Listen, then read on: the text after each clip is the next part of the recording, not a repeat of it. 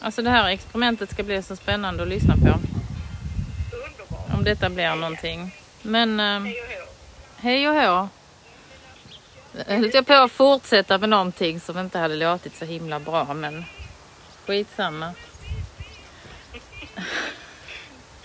Du förstår mig precis. Ja, jag. Absolut. Absolut. Jaha. Kallt vatten här. Mm. Så att det är värmebölja. Det är det. Det Det blev väldigt varmt i Malmö så all is har tagit slut. mm. Nej, kanske inte all, men den som skulle göra en iskall latte till mig. Mm. Så det fick bli lite vanligt vatten. Mm. Jag har precis varit nere i havet och doppat mig så jag sitter med våta badkläder i skuggan och svalkar mig. Här är 33 grader. Gud vad skönt. I Kivik? alltså. Mm. Ja, det var så skönt.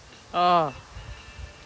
Där hade jag kunnat, där hade jag kunnat ligga kvar fortfarande. Men man har ju ett viktigt uppdrag. plikten kallar. Plikten kallar. Vi måste banda. Mm. Och med risk för att detta avsnittet kommer att bli superrörigt. Eh, jag har ju då semester så att jag har inte haft någon sketen dag på jobbet. Men jag får ju lite eh, input från de som jobbar. Och det får jag genom att fundera. Okej. Jag måste fråga, knastrar väldigt mycket av mina nötter? Nej, inte vad jag hör. Nej. Nej, det bra. Detta ska vara autentiskt säger man va? Detta är live live. Ingen annan sänder så live som vi. Live, live. Mm. Vad har du fått för rapporter då? Ja men det är lite grann om... Eh, ja men du vet om du, om du har någon kollega som du har lite annan kontakt med än bara på jobbet. Japp. Så blir det ju att man liksom, ja uppdaterar mig, vad händer?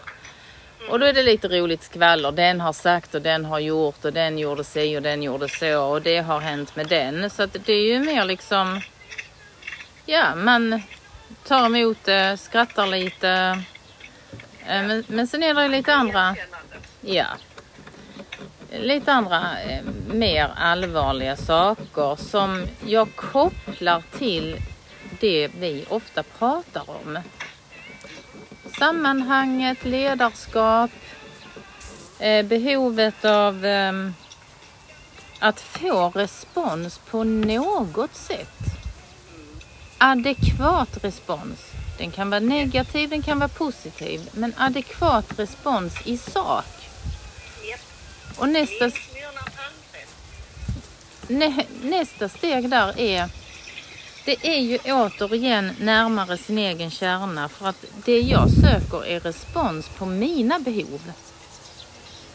Och det kan ju inte, det kan ju varken människor på mitt, min arbetsplats eller på min privata arena veta om jag inte är tydlig. Så återigen är jag liksom tillbaka och jag satt och, och gjorde en liten anteckning. Är, den, är det här famlandet som vi konstaterar att vi var inne i lite grann. Vi kan inte namn, vi kan inte döpa fasen. Men det känns lite, det är kraftfullt, det är på väg i rätt riktning å ena sidan. Å andra sidan så börjar jag tänka, är detta självtvivel igen? Att man liksom inte kan highlighta, vad handlar detta om? Lite, Tänker du? nej men, man, man, ehm, jag ifrågasätter mig själv. Är det som jag, är detta det jag ser? Är det detta jag känner? Ja, ja. Du tvivlar på din egen upplevelse. Ja, och då tänker jag så här, är det bara helt vanlig tveksamhet som man också ska vila i och lära känna? Att nu vet jag faktiskt inte vad jag ska fatta för beslut. Är det bara att konstatera det eller är det någonting man ska bli orolig för? För det är på något sätt att ifrågasätta sig själv. Och allt det här med, med jag har snöat in på kan man befinna sig i alla olika sammanhang och ändå må bra?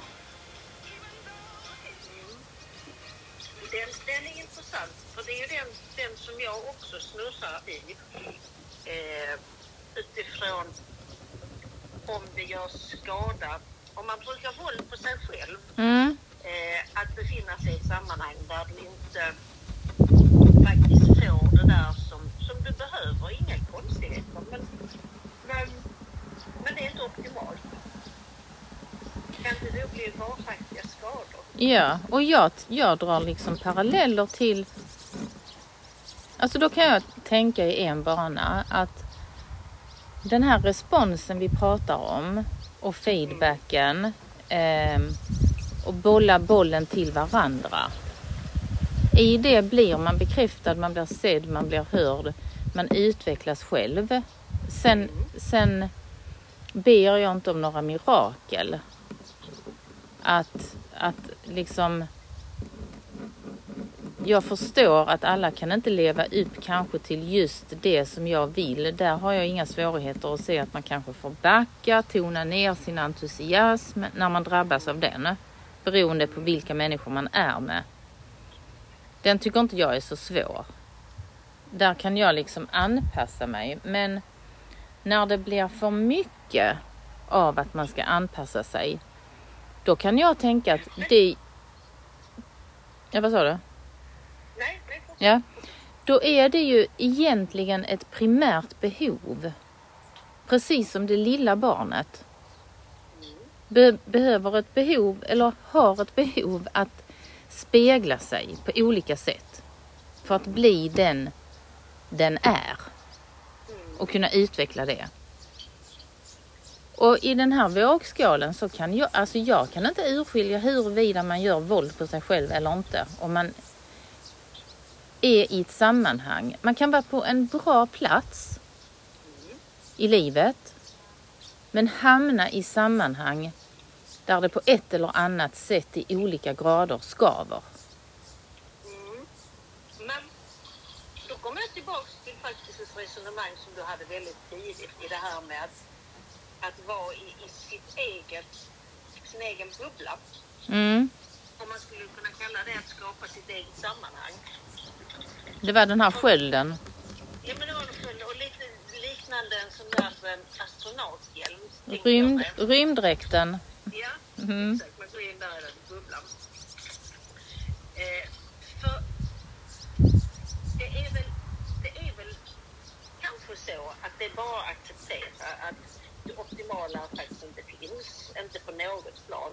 Du måste hela tiden på ett eller annat sätt kompromissa. Men om du inte ska kompromissa bort dig själv så kanske du måste kompensera. Så Mm. att är du i ett sammanhang som inte tillför det som faktiskt ger dig, ja, men ger dig det du behöver så, och som, som ger dig tillgång till din fulla potential så kanske du behöver skapa ett, parallellsammanhang. Kanske inte ett parallellt universum men ett parallellt sammanhang.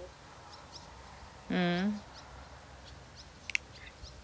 Och jag ska, om jag, jag vet inte, jag ska försöka göra det lite tydligare, men jag tänker där jag befinner mig nu eh, så är det ju inte på något plan helt optimalt. Men jag befinner mig på en bra plats. Jag, jag trivs fortfarande bättre än på väldigt länge. Men jag inser också att, att jag behöver jag behöver dels lära mig att, att abstrahera från det som, som tar energi. Jag behöver tänka bort att eh, eh,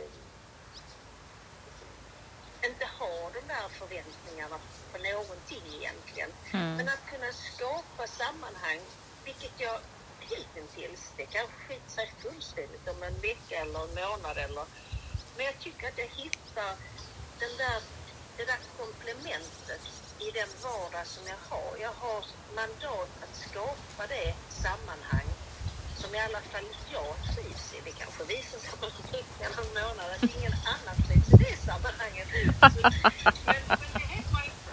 Så, ja. Är du, blev det begripligt? Blev det... Ja.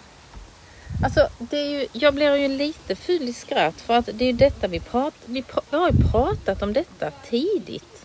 Mm, mm. Och det, det är ju inte helt um, främmande. Även väldigt kloka människor som skriver böcker och sånt säger ju att allting går i cykler och det ena hänger ihop med det andra. Ja. Och vi, har, vi beskrev det i ett projekt som kugghjul. Mm. De här kugghjulen måste gå i varandra. Mm. Och se, Men du... Mm. Nej, fortsätt. Förlåt. nej men jag tänker bara att ser man ju tydligare man blir mot sig själv, gentemot sig själv och kan identifiera att det är de här sakerna jag inte får och kunna ge sig de sakerna i ett annat sammanhang och prioritera det. Mm. Och precis som du säger, abstrahera, blockera, mota i grinden. Sånt som man vet att det här är inte för mig. Jag ska inte lägga mig i detta, jag ska inte lägga energi på det. Det, är ju, det kan man ju symboliskt se som en liten rymddräkt. Det kan man definitivt. Och det som jag tycker är intressant är att när vi satt, nu kommer jag faktiskt inte ihåg tidsmässigt hur lång tid tillbaka som vi pratade om just den där lilla rymdbubblan. Men vid den tidpunkten, Men det var i mördarfasen. ja det var det va? Mm. Ja, För vi har skrattat åt den, att vi skulle bygga oss ett eget sammanhang och gå runt i det och tro att vi liksom fick vad vi behövde då. Då ska vi liksom tillfredsställa oss själva bara. Då vinklar vi det åt det hållet. ja. Men För- då, hade vi, då hade vi inte redskapen. Nej. Kunde vi, inte, vi kunde inte formulera vi kunde inte formulera tankar som gjorde det begripligt, inte ens för oss själva. Nej. Jag kommer ihåg hur vi liksom resonerade och skrattade lite lätt, för det var ju, Ja. det var ju ganska underhållande att fundera i, i just de termerna med den här eh, eh, lilla eh, rymddräkten som där struttar de omkring och tror att de är bättre än alla andra. De vill inte blanda sig med någon.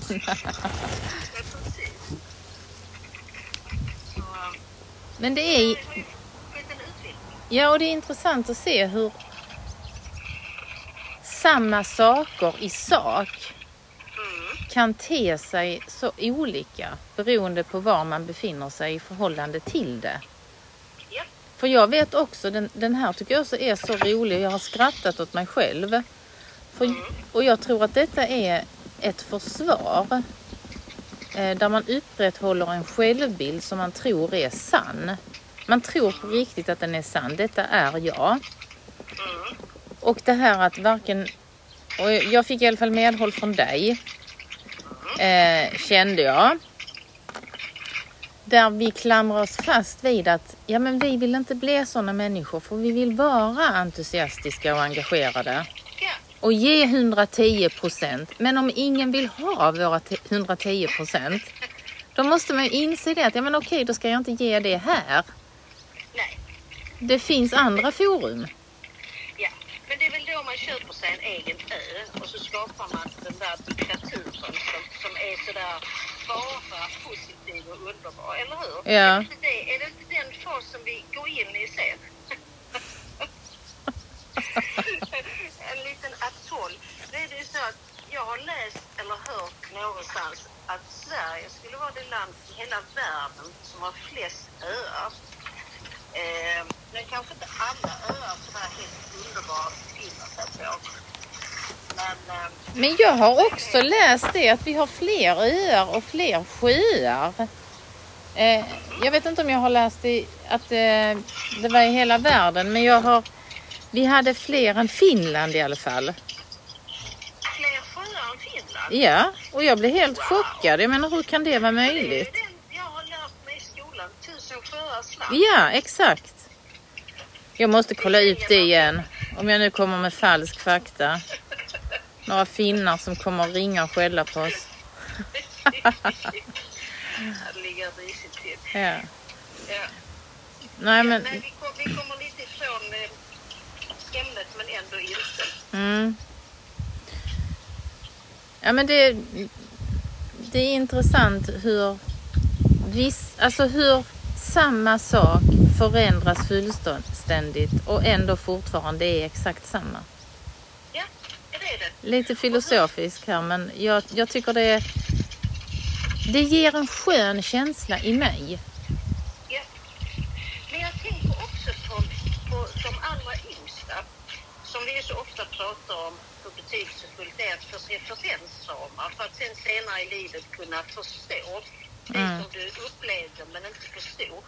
Och det är lite den processen som vi har varit igenom. Att vi faktiskt har fått referensramar till en början eh, där vi inte riktigt förstod sammanhanget. Men idag när allting mer och mer klarnar så kan Mm. vi sätta samman den här eh, astronautbubblan med förståelsen för att skapa sitt eget sammanhang. Mm.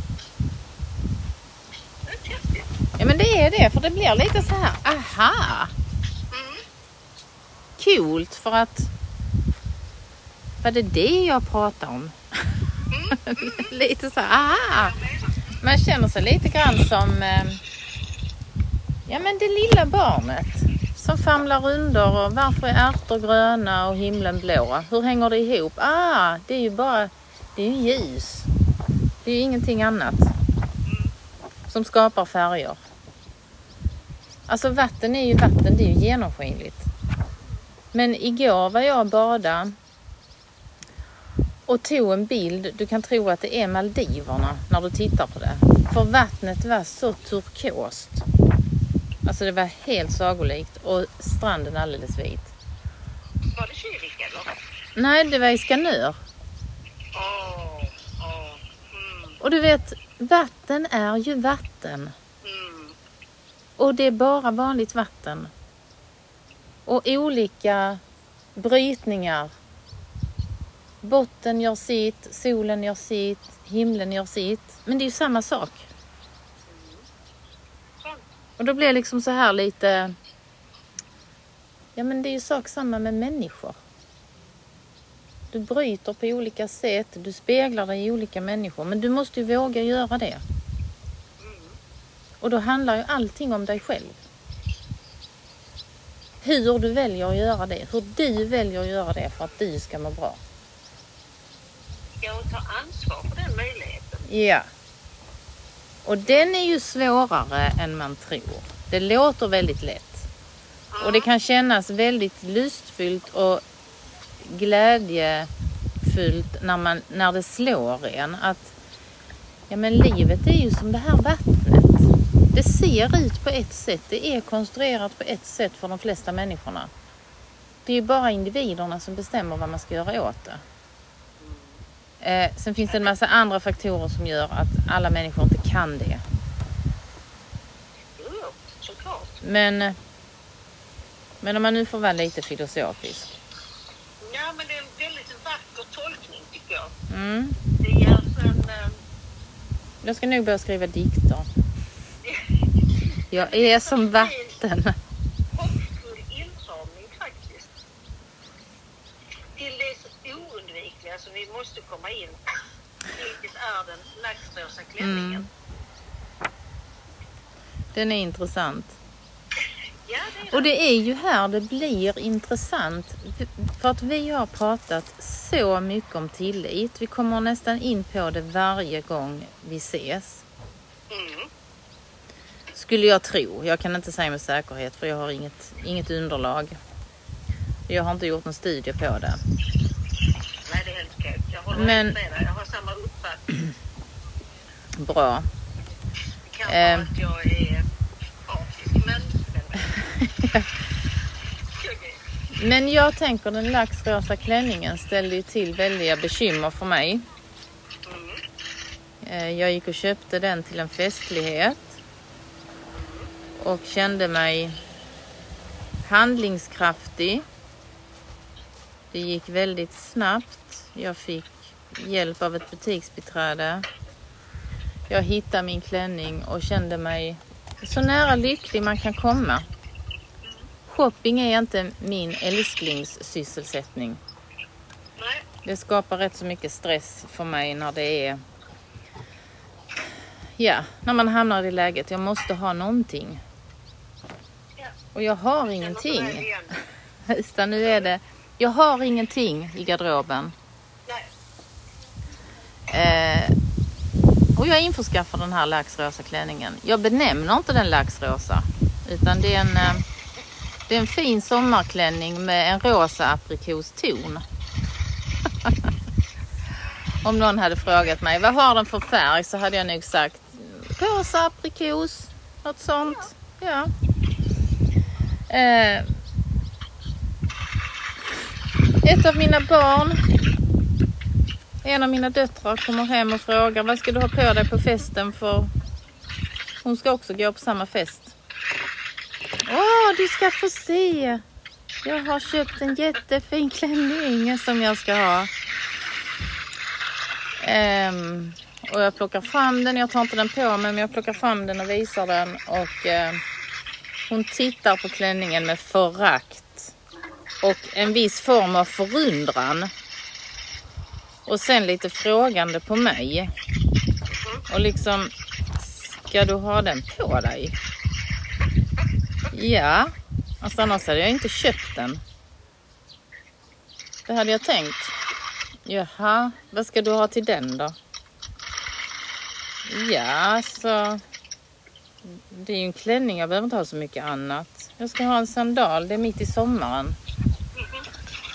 Eh, och så har jag köpt en liten sjal till. Mhm. Och jag märker ju på henne att det var ju inte i hennes smak. Och så kan det ju vara. Eh, men det tog ganska hårt på mig och jag var tvungen till fråga henne liksom. Vad, men då tycker du inte om den? Vad är det för fel liksom? Ja, vad står det för henne? Ja, jag, jag ser på att det är någonting. Men, och hon säger bara, men mamma. Med lite förfäran i rösten vill jag minnas.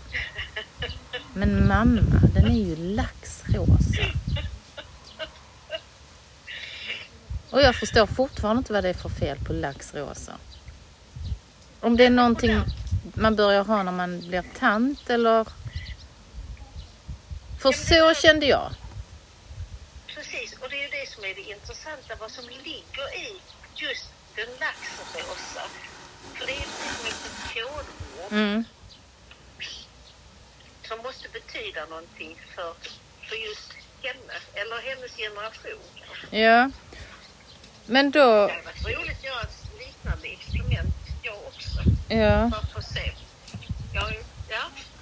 Ja, men jag tänkte ju då att ehm, så som jag är formad så tog jag på mig min rustning och tänkte alltså det är någonting du tycker. Men det är min klänning.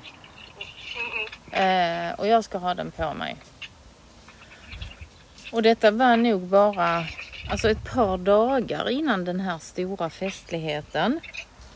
Och dottern hade kommit hem till mig för att bo där när hon droppar detta. Att, som jag tolkade förfärliga klänningen. Alltså hur vill, hur vill du göra så med dig själv och ta på dig en laxrosa klänning? Alltså så gammal är du inte. Jag la ju in jättemycket mellan raderna. Eh, men jag frågar inte utan jag bara, ah, jag låtsas att jag rycker på axlarna för det gör jag jävligt bra. Bryr mig väl inte. Jag går in i min lilla rymddräkt i mitt eget lilla sammanhang. Med min laxrosa klänning. Eh, går och lägger mig på kvällen och känner att jag får någonting som liknar nästintill panikångest för jag kunde inte somna. Och jag låg bara och tänkte på vad kan jag hitta, vad kan jag hitta, vad kan jag hitta, vad har jag? Jag kan ju inte ha den på mig. Alltså den är ju laxrosa. Man kan ju säga Du lax. Du var färgad av i dubbel bemärkelse. Ja, alltså-. Ja, men jag blev jättepåverkad av det och kände hur jag fick hjärtklappning och bara gud, jag kan ju inte komma i den klänningen på festen. Alla kommer ju skratta åt mig. Peka finger, kolla, hon har en laxrosa klänning. På riktigt alltså. Jag, jag förstår, jag förstår. Jag skrattar inte. För jag skrattar av både igenkänning och också av sorg faktiskt. För vad det gör med en. Ja. Men då tänker jag en sårbarhet. Man kunde tagit det samtalet med dottern och faktiskt verkligen inte direkt se på sig själv och klänningen ur hennes perspektiv. Alltså hallå, någonting eh, där, kunde jag, där och då kunde jag känna att jag saknade ett verktyg för att plocka ner mig på jorden. Alltså hallå, hur är det? För att det kan ju också vara så här att det var helt fel. För att de råden kan man ju också få. Alltså den här passar inte dig, tycker inte jag. Nähä, men vad är det som ska passa mig? Är det urringningen eller är det färgen som inte passar mig? För det är ju en sak. Ja. Alltså du kan... Sen är det ju det som är det intressanta som jag har funderat efter den laxrosa som jag har hängt upp mig på. Det är ju om det är bilden av dig som inte överensstämmer. Mm, Om det är så att du känner dig tillfreds för att du, du är precis just i den laxrosa. Men den bilden som hon har av dig är ju kanske i ett tidigare skede av ditt liv mm. som definitivt inte var en laxrosa Mm. Men där tänker jag, vad, vad är det som gör att man blir så rädd så att man inte har det samtalet och kan skratta tillsammans? Mm.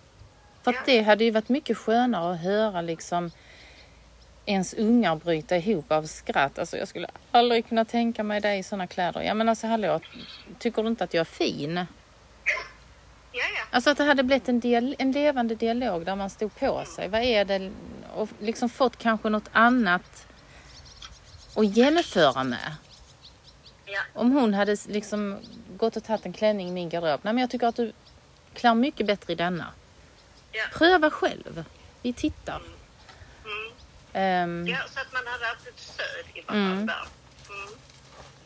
Sen tycker jag att det var coolt av dig att det faktiskt stod upp för det oavsett ifall, ifall det fanns andra alternativ så tycker jag att det var coolt av dig. För den känslan som du hade när du såg dig första gången, mm, det var ju den du ändå till sist vågade lita på. mm. Men alltså nu, kommer, nu vet jag inte om du kommer stötta mig men jag har ju berättat innan om att jag kan bli så enormt triggad. Mm. När någon till exempel säger till mig, men Anette vad har hänt med din trädgård? Den var ju mycket finare förra sommaren. Ja, jag vet. Men jag har faktiskt blivit farmor. Mm. Jag gör andra prioriteringar. Ja, ja, visst. Men dagen efter är jag uppe 25 och far ut i landet och gräver. Och sambon tror att jag har blivit knäpp. Men nej, jag vill detta. Skulle det hänga ihop med vad de, vad de sa igår eller va? Nej, det gör det inte. För att det här hade jag planerat sedan länge. Men i stunden kan du stå upp för dig själv.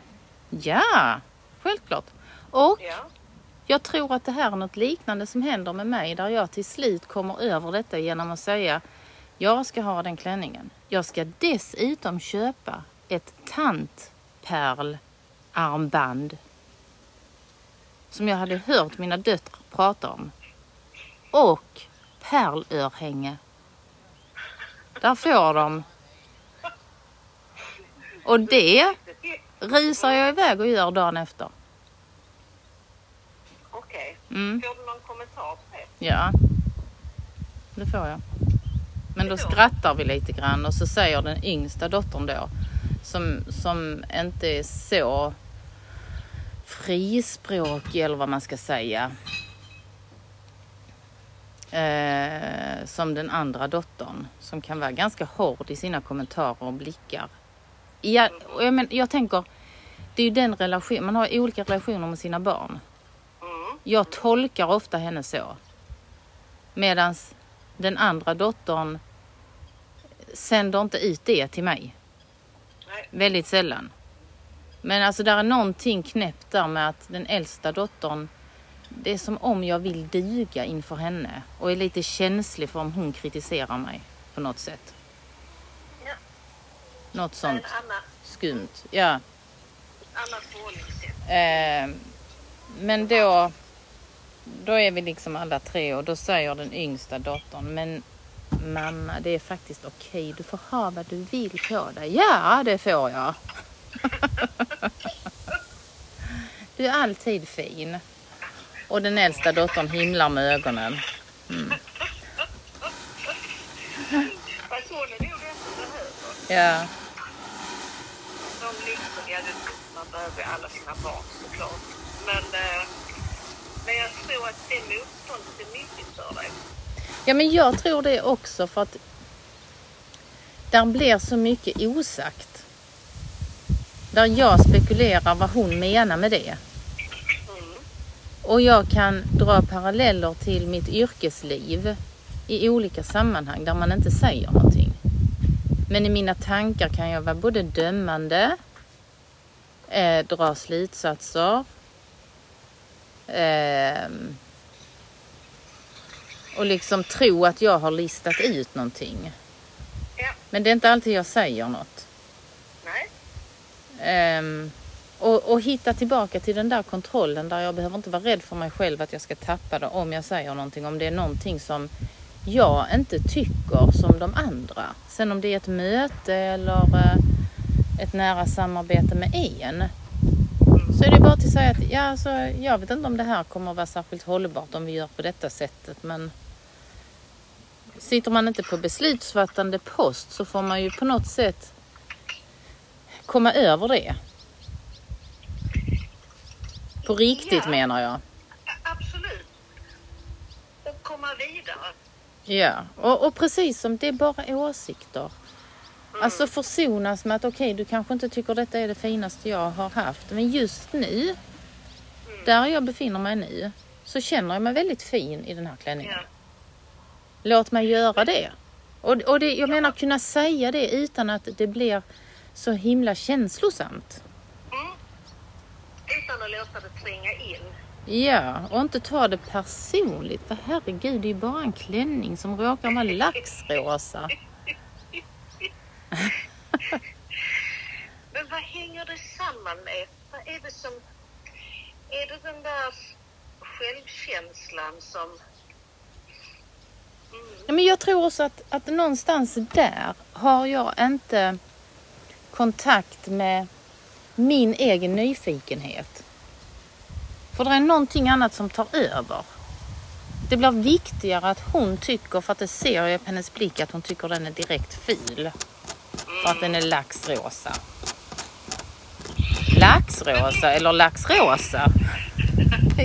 Det är en jävla färg.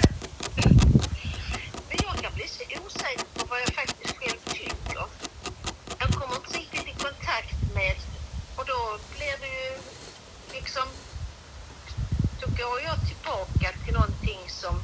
Alltså säkert kort som kanske inte är absolut bästa. Men jag blir osäker. Jag är inte så... Det är nog därför att jag hyllar... Eller en av anledningarna att jag hyllar att du ändå stod på dig i det här, även om du kanske hade våndor efteråt. Mm. Så stod du på dig. Jag... Eh, ja. Ja, men jag tror det hänger ihop med någon mekanism som gör att jag går ut och gräver i trädgården fast jag inte har planerat det. Alltså det är någonting där som triggar mig. Okej, tycker ni att jag är ful då ska jag göra mig ännu fulare. Och den är ju inte heller särskilt bra. För jag går ju ändå in i något, jag, jag ser det som faktiskt samma sak. Om jag hade tagit något annat eller går med den demonstrativt. Jag är ju inte särskilt tillfreds med mig själv. I vilket läge, vad jag än väljer. För man, jag står inte riktigt upp för mig själv och synar mig själv. Nyfiket frågar henne, vad menar du? Är laxrosa ens en färg? Mm. För att liksom sortera. Ja. Där det hade kunnat sluta med att, nej men jag bara tänker, precis som du sa, alltså jag ser inte det som din klädstil. Du är den här personen för mig. Det hade ju tillfört mig någonting. Ja. För det är ju så, det är ju det här vi har pratat om att någonstans känns det som om jag har inte byggt mig själv. Nej. Och liksom samlat på, detta är mitt. Det, jag känner detta, att det, det här, den här musiken gillar jag. De här böckerna stannar hos mig, det väcker det här. Sen om det är populistisk litteratur eller godkänd finlitteratur. Det är ju skitsamma. Mm. Detta tilltalar mig, det berikar mig, det ger mig någonting. Ja. Och det är sak samma med människor. Då börjar man ju också se sammanhangen. De här människorna, det är inget fel på dem. De har andra åsikter än vad jag har. De har andra metoder för att lösa saker än vad jag har. Och jag kan inte riktigt dansa med dem. Nej. Och det är ju inget personligt. Men klar, Nej. Klargöra det för sig själv känner jag på något sätt att kan man göra det så ökar det ju tryggheten. Och bygger självkänslan. Absolut. Och att också våga följa sina egna tankar. För Ja. Då blir du mycket, mycket mer självständig i din- dina, dina val och dina beslut. Sen kan det ju vara skrämmande. Men, men, ja, Ja, men följa sina egna tankar när man känner att man är kanske smått galen. Alltså nej, men som, som det här att alla säger till en, du kan inte säga upp dig från en fast tjänst i den organisationen. Jo, men då är det det jag gör. Men gå nära den känslan och det som driver mig, det kan ju vara skrämmande. För är det bara något hämndbegär och vem hämnas jag på då? Ska alla sakna mig jättemycket om jag går? Eller så är det bara ett uttryck för den rebelliska ådran. Du förstår vad jag menar va? Mm, ja, jag förstår. Att istället för att tillåta sig att bli jävligt ledsen för att man känner sig orättvist behandlad, inte sedd, inte hörd. Och nysta upp det. Okej, vad är det då jag har förväntat mig? Vad är det jag kan kräva? Vad är det jag behöver? Vad kan jag just nu nöja mig med? Och ändå känna att jag växer. Ja, ja, och göra den analysen Ja, istället för att handla på känslan. ja. Sen är det jävligt kul det där med känsla. Jag menar, vi hade ju inte mördat halva vår stad om vi inte hade gått på känslan. Mm. Så jag menar, vi gör det ju, men vi kanske gör det med för... Det är kanske vi som analyserar för lite Ja, i sak. ja. Och sen prövar nytt och sen analyserar. Att man kanske ytanalyserar hela tiden. Utan att ge sig den där ron. Att nej men okej, nu kör jag så här. Nu ska jag prioritera detta. Jag ska säga vad jag tycker, jag ska säga vad jag tänker, jag ska säga det med lugn och röst. Jag ska inte ta det personligt. Till exempel. Att stanna upp, att göra den reflektionen innan du agerar. Ja. Ja. ja, i alla fall innan jag... Jag tror, jag tror du är mer exklusiv. Mm. Jag tror du är mycket mer exklusiv i att, agera. Jag kan ju, jag kan ju nog stanna kanske till och med lite för länge Mm. i saker. Och det, det är ju som i klänningen. Eh, oavsett motivet så, så imponerar det. Jag kan ju tycka att det är ett, ett, ett tilltalande drag. Mm. Även om det kan få konsekvenser, även om det kanske är ett område som man behöver liksom både jobba på och kanske utveckla strategier för att, att få ut lite mer för egen del. Så att det inte blir det som du var inne på, om det är någon hämnd eller alltså, alltså vad, vad är syftet? Mm. Men man kan väl säga som så att jag agerar på reaktion. Jag reagerar på någonting, sen agerar jag i det. Mm. Och den blir ju inte alltid hundra bra. Om jag bara utgår från mig själv. Mm. Det är ju så mycket på den snabba vägen som jag missar. Och jag Ja, tror, jag tror ju att jag är ganska, eller ofta har det drabbat mig personligt och jag är lite ledsen och, och så blir jag arg på det och så lite adrenalin. Ja. Och så bara kör jag för nu har jag stakat ut min väg för det här känns helt jävla fel. Ja men då säger jag upp mig eller så går jag i klänningen och jag köper ett par tantörhänge. Så. Där fick ni! Men, men känslan efteråt, alltså när du går tillbaks, om du hade kunnat skriva tiden tillbaka och göra annorlunda, hade du gjort annorlunda? Alltså känner du dig nöjd eller missnöjd med besluten? Det kan ju vara både en laxrosa och det här med att, att gå vidare från jobb Mm. och så. Eller är du nöjd ändå? Nej men jag, jag, jag vill nog hantera det lite annorlunda. Mm. Resultatet kanske hade blivit detsamma. Men jag hade varit medveten om det. Jag hade ju gärna velat Okej, tycker ni att den är ful eller att detta symboliserar att jag har blivit gammal, då ska ni få se på gammal. Alltså jag skulle vilja göra det öppet. Ja. Det kanske låter barnsligt. Men, Nej, jag, jag, jag tror jag förstår lite grann i alla fall. men, men jag, jag vill ju liksom inte att det ska vara någonting som bara är i mitt huvud. Jag önskar att jag kan bli lite bättre på att fånga det som människor säger till mig. När jag känner att detta är ett spjut mot mig på något sätt. Mm. Då vill jag ta reda på vad menar du med det här? För mig känns det som om det är någonting som jag har gjort mot dig.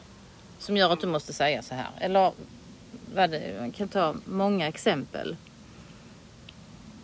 Men för det mesta går jag inte in i det. Och jag menar detta är mina barn. Ja. Jag menar sen blev... du låter det passera. Du låter det passera. Ja. Du, du har egentligen en massa frågor Ja. som hänger kvar. Mm. Och det tar jag inte. Sen hör det till saken att det blev en väldigt, väldigt lyckad fest. Mhm. Och vi hade otroligt trevligt. Då får ju klänningen en annan roll. Ja. Alltså jag glömde bort den. Jag höll ett jätte, jättebra tal. Där jag kunde se på alla mina barn hur imponerade de var. Och lite tårar i ögonen och så. Ja men alltså då, skitsamma vad jag har på mig. Alltså så mycket känner man ju ändå sina barn. Och man har Det ju... var därför de grät när de såg den laxen. Man, nej, men... Åh nej, nu får jag ångest igen. Men jag menar, är det inte saker du känner igen med din kofta? jo, jo, absolut. Men jag, jag har ju inte... Det, det är ju där, det är där som du står som en förebild. För att jag, jag går ju inte in i det. Jag, jag går ju... Jag gör ju... Jag gör ju revolt på ett annat sätt. Jag skulle kunna... I det läget tyckte jag ändå att jag ersatte med någonting som var acceptabelt. Men det kunde lika bra varit att jag hade klätt mig i säck och aska. Bara för att då ska ni fan i mig se något fult. Ja men du ser, det är, sak, det är samma sak ju. Vi är ju mer lika än olika. Ja, Och jag menar här är tystnaden igen. Alltså det här vi pratade om förra avsnittet. mm, Tystnad är det värsta vi vet. ja. Upplever vi den som en metod mot oss Ja, så reagerar vi såklart på olika sätt för vi är olika människor. Men vi har snarlika uppfattning känslomässigt när vi beskriver det. Hur vi upplever det, det är vidrigt. Och sen kommer vi på att vi använder det båda två. Jag säger inte till min dotter vad jag tycker utan jag går från där och kokar. Och ska också klä mig mycket filare då. Jag ska ha den klänningen som hon tycker är jättefil.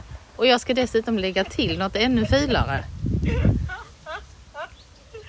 Hör inte du likheterna? Jo, jag gör ju det när du, när du verkligen lyfter fram det så här så blir det ju kristallklart. På ett nästan obehagligt sätt. Vi måste nog vara de bästa människorna att samarbeta med och ha till Ja. föräldrar. Ja, det måste vara helt sagolikt. ja. Men jag tänker, jag tänker det som, som du tar, tar emot nu med en laxrosa, vi hänger fast vid den lite till. Mm. Skulle du kunna ha gjort något liknande gentemot henne? Nej, Nej. Nej, det aldrig. finns inte på. Men Nej. det finns inte här heller. Inte om du frågar mig. Här hade det varit jätteintressant att prata med andra människor Ja, och få deras uppfattning.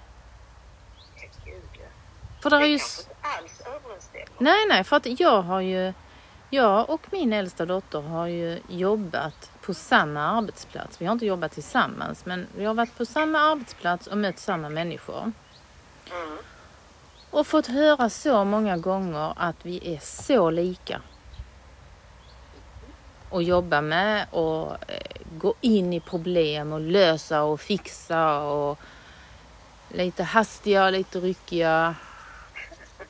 Ehm, jag menar, det är bara en kollega som har sagt till mig att mitt sätt skrämmer. Han var så uppriktig. Men jag, jag, kan, jag förstår han ju eftersom vi kunde ha sakliga samtal. Ja, ja jäkligt ömsesidigt. Mm. Eh, men jag tror att det handlar om att han kom till mig och bad om handledning och råd rent yrkesmässigt. Och är en ödmjuk person som kan se sina brister, eh, jobba för, inte förändring, men jobba för att lära sig hantera vissa saker. Hantera stress gentemot vissa moment i det arbetet vi hade. Mm. Där han kände att han var, blev en dålig yrkesmänniska. Han klarade inte av vissa saker. Vi pratade, han gick ut, han prövade. Jag fick observera och kolla. Det blev liksom ett hantverk, ett pedagogiskt hantverk vi höll på med. Som sen utvecklades att vi kunde ge och ta. Och Så att, han hade stor tillit till dig och din yrkeskompetens. ja, Ja. som ledde sen till att vi brukar skoja om det nu, att han är min mentor. För det blev liksom utvecklades på det sättet att jag kunde fråga honom om råd. Och det är nog den enda människan som... Ja, men det var den enda människan som har sagt till mig. Mina barn har kunnat säga det också. När du blir arg eller du gör så här eller så här. Eller blir tyst. Mm. Då blir man rädd. Du skrämmer Ja. folk. Alltså, och det är aldrig bra. Och det köper jag med hull och hår. Men jag kan också se hur jag kan ha det draget. Men har du inte också en lång stubin? Så att det tar lång tid. Alltså du är inte en sån som pyser och blir ilsken för ingenting. Utan du har en lång stubin. Och det i sig kanske är skrämmande. Ja. Eller?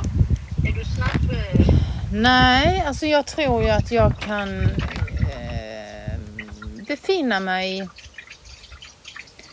i kris ganska länge och vara lugn och eh, alltså fatta beslut. Och gör vi så här, då gör vi så här. Och ge tröst till den som behöver tröst och putta på den som behöver puttas på. Det här är inget att vara rädd för, la la la la la. Men sen när gränsen är nådd om jag känner att vi hade bestämt att vi skulle göra så här och sen så springer alla åt olika håll som yra höns. Ja. Så kan, men det är också någon form av, jag tar det personligt. Alltså nu tangerar vi offer och martyrer och allt vi har pratat om. Men där man liksom, här har jag jobbat i två månader för detta. Och vi har haft möte efter möte efter möte och vi har protokollfört och vi har gjort allting rätt från början till slut. Och jag har jobbat mer än alla andra. Och ändå kommer vi ingenstans. Nej men den reaktionen är ju sund. Den är ju sund. För du reagerar ju på någonting som faktiskt inte fungerar. Ja. Ja men det är väl mer huret. Ja, men då, då har du väl kanske ändå... Ja, men jag tänker, jag försöker förstå. Du, jag, jag kan känna igen... Jag, jag också för det här... Jag hade ju arbetsnamnet Nu räcker det. Eh. Och det är ju... Det har ju jag använt också, för det, det kommer faktiskt till en punkt när nu räcker det. Mm. Och då är det fan inte roligt. Men då har det också föregåtts av en rätt så lång sträcka. Mm. Så de som finns runt omkring en och nu kanske som du sa innan man skulle fråga de som, som är berörda. De kanske har en helt annan uppfattning. Men jag Mm. tänker där ligger ett ansvar där också. Att Ja. kunna se hur Mm. man har testat gränserna. För jag har sett dig jobba och jag har sällan sett människor som, som slår knut på sig själv för att se till att andra får de bästa förutsättningarna och får förståelse för de, vad de har problem med. Och, alltså på ett sätt som... Alltså, ja, jag tycker nog att jag också kan vara så här, eh, förstående i många fall, men det är inte i närheten. Så att jag tror verkligen att när, det, när den går av så har den fan i mig dragits till bristningsgränsen. Ja, men jag tänker också ofta när det går av så går det ju av för alltid. Alltså, Alltså, då, då, går det av, då är det av. ja, ja. Då Ja. säger jag ut mig eller så umgås jag inte med den människan längre. Eller ja, du vet. Ja, ja, det är så definitivt. Ja. Som, Men, som ett kort svar på din fråga. Skulle jag velat göra något annorlunda? Nej, men jag vill gärna göra annorlunda framåt. Ja, det var en klok, ett klokt svar. Ja. Är vi färdiga med den laxrosa klänningen eller? Jag tror vi har, vi har varit inne och, och, liksom gått in och petat i den. Och jag tänker det är ju egentligen en otrolig styrka att kunna blicka framåt. För det som har varit, det har ju varit. Mm. Och det är ju ingenting att göra någonting åt. Det kommer aldrig bli något annorlunda ändå. Man kan ju låtsas att man förändrar dåtiden eftersom man glömmer hur det egentligen var. Men, men alltså det är så intressant för att jag fick en fråga igår av en vän som jag inte har träffat på ganska länge. Vi hade sagt att vi skulle träffas över sommaren men inte fått till det. Och igår kväll fick vi till det. Det passar alla så att vi träffas då. Och så frågar hon mig Hur går det nu på ditt nya helt fantastiska jobb? Och då, då säger jag till henne, Va, alltså nu får du uppdatera mig. Vad, vad har jag sagt till dig? Ja men du har ju, du har ju fått det perfekta jobbet. Ja, så är jag hemskt ledsen men det är typiskt mig. Alltså det är ett jobb som alla andra. Det är en vanlig arbetsplats med en knäpp chef. Det är bara jag som inte har lärt mig. Alltså, och jag kan se att min, min äldsta dotter sa det också vid ett annat samtal vi hade nu bara häromdagen. Ja, men mamma, du är så överentusiastisk och tror att liksom allting är så wow, det är jättebra. Ah, nu ska jag flytta, det kommer, ah, jag har bytt jobb. Ah. Alltså ingenting är ju så bra, för du vet ju läste i någon intervju med någon som jag inte kommer ihåg vem det var, men där de pratade just om hur negativitet kunde vara förödande på en arbetsplats. Men då sa de också det motsatta. Det finns, ja, de sa nog inte att det finns inget värt, men de som är överentusiastiska har nästan samma effekt som de som är väldigt, väldigt Ja, ja, jag har börjat inse det. Så att igår var mitt första träningspass och öva på att liksom ta tillbaka lite grann. Mm. Att det är ett jobb som till största delen ett jobb som alla andra jag har haft. Ja. Och det är inte det sämsta. Nej, Så, absolut inte. Men, alltså- men liksom ja. Men liksom gå in. Det hassel ja. Men gå in i saker som jag gör. Alltså det är... Ja. Jag vill bli bättre på det. Att inte göra det så. Har du någonting Ja. du vill bli bättre på? Det är så jävla bra. Du har bara pytte, pytte, pyttelite till att jobba med. Jag tackar för detta terapiavsnitt. Det är det det ska heta.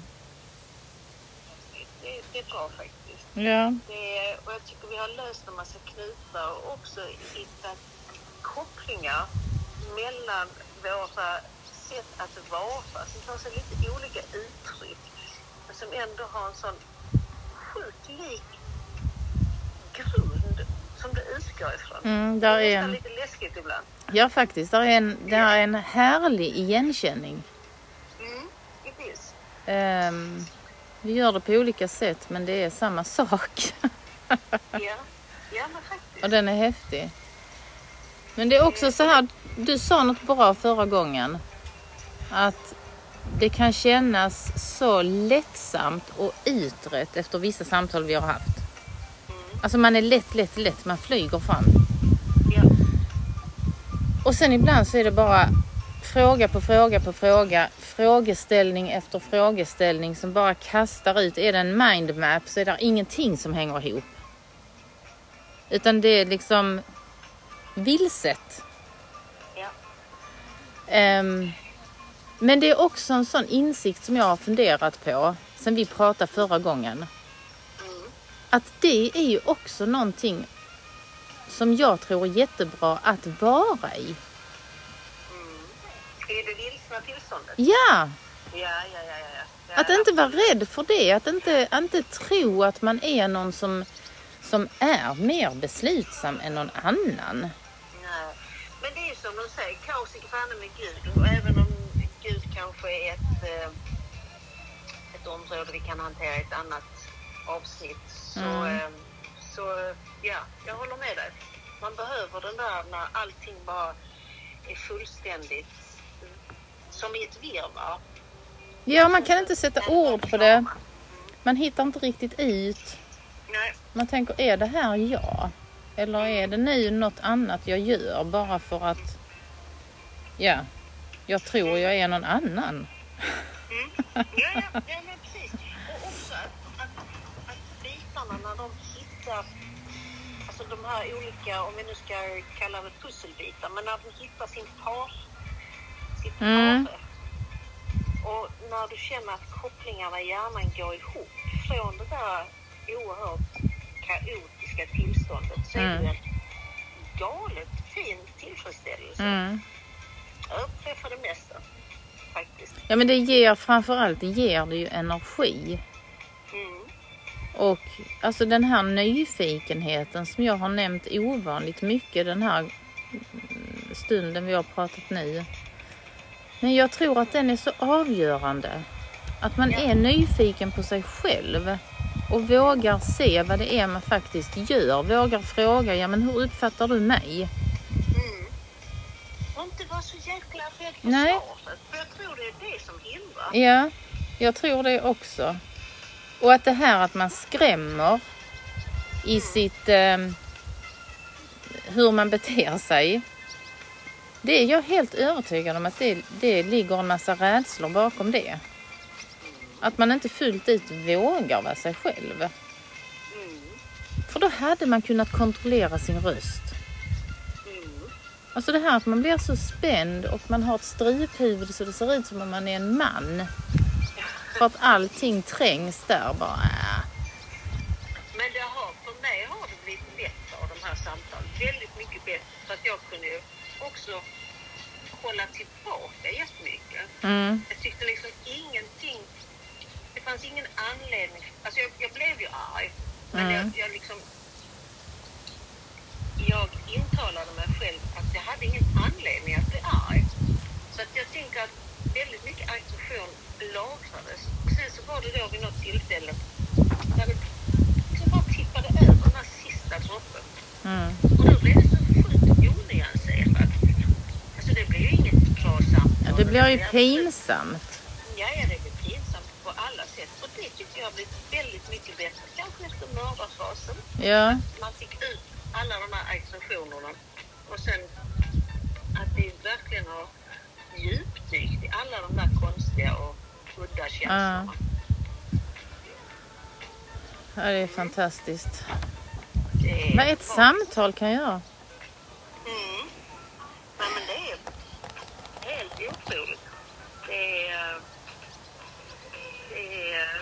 lika fascinerande som lite läskigt också faktiskt. Mm. Att det har sån kraft. Ja, det, det är ett avsnitt i, för sig självt. Mm, det är det. Och vi säger ju inte då som avslutning att vi gjorde det. Nej, vad säger du? Nej, vi säger att ehm, vi gör detta igen om en vecka. Ja, just det. Det är Mm. klart vi gör. Ja, Och snart också. mycket snart. Jag föreslår nästa tisdag. Ja, men jag håller med. Mm. We'll be back. Och nu är det nedräkning 7, 8, 9.